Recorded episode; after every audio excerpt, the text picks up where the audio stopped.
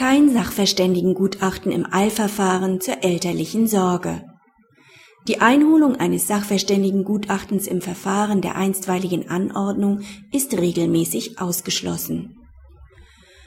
Die nicht miteinander verheirateten Beteiligten haben ein im Juni 2008 geborenes gemeinsames minderjähriges Kind. Sie üben die gemeinsame Sorge aus. Anlässlich der Trennung im Oktober 2009 verständigen sich die Eltern darauf, dass der Hauptwohnsitz des Kindes bis zum zwölften Lebensjahr beim Vater sein soll.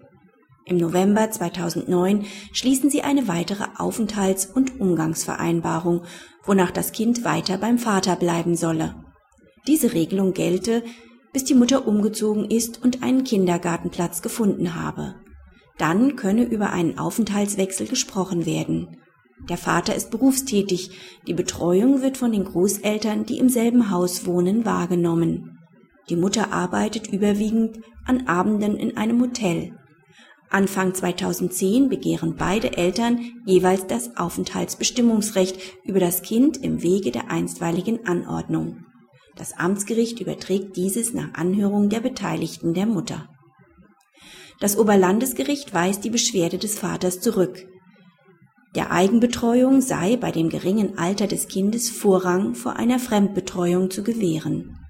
Der Kontinuitätsgrundsatz tritt bei einem Kind unter zwei Jahren zurück.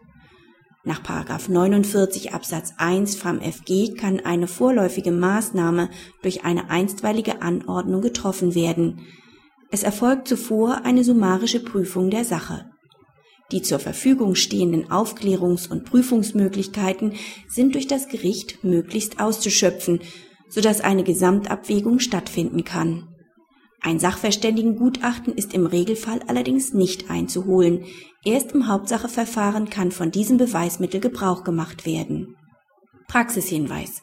Ist eine Entscheidung im Eilverfahren ohne Gutachten getroffen worden, bleibt die Möglichkeit, zumindest die Vollstreckung zu verhindern, indem ein Antrag auf Aussetzung der Vollstreckung gestellt wird.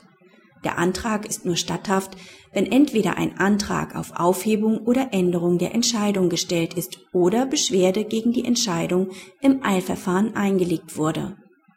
Der Antrag nach 54 FamFG ist jederzeit möglich.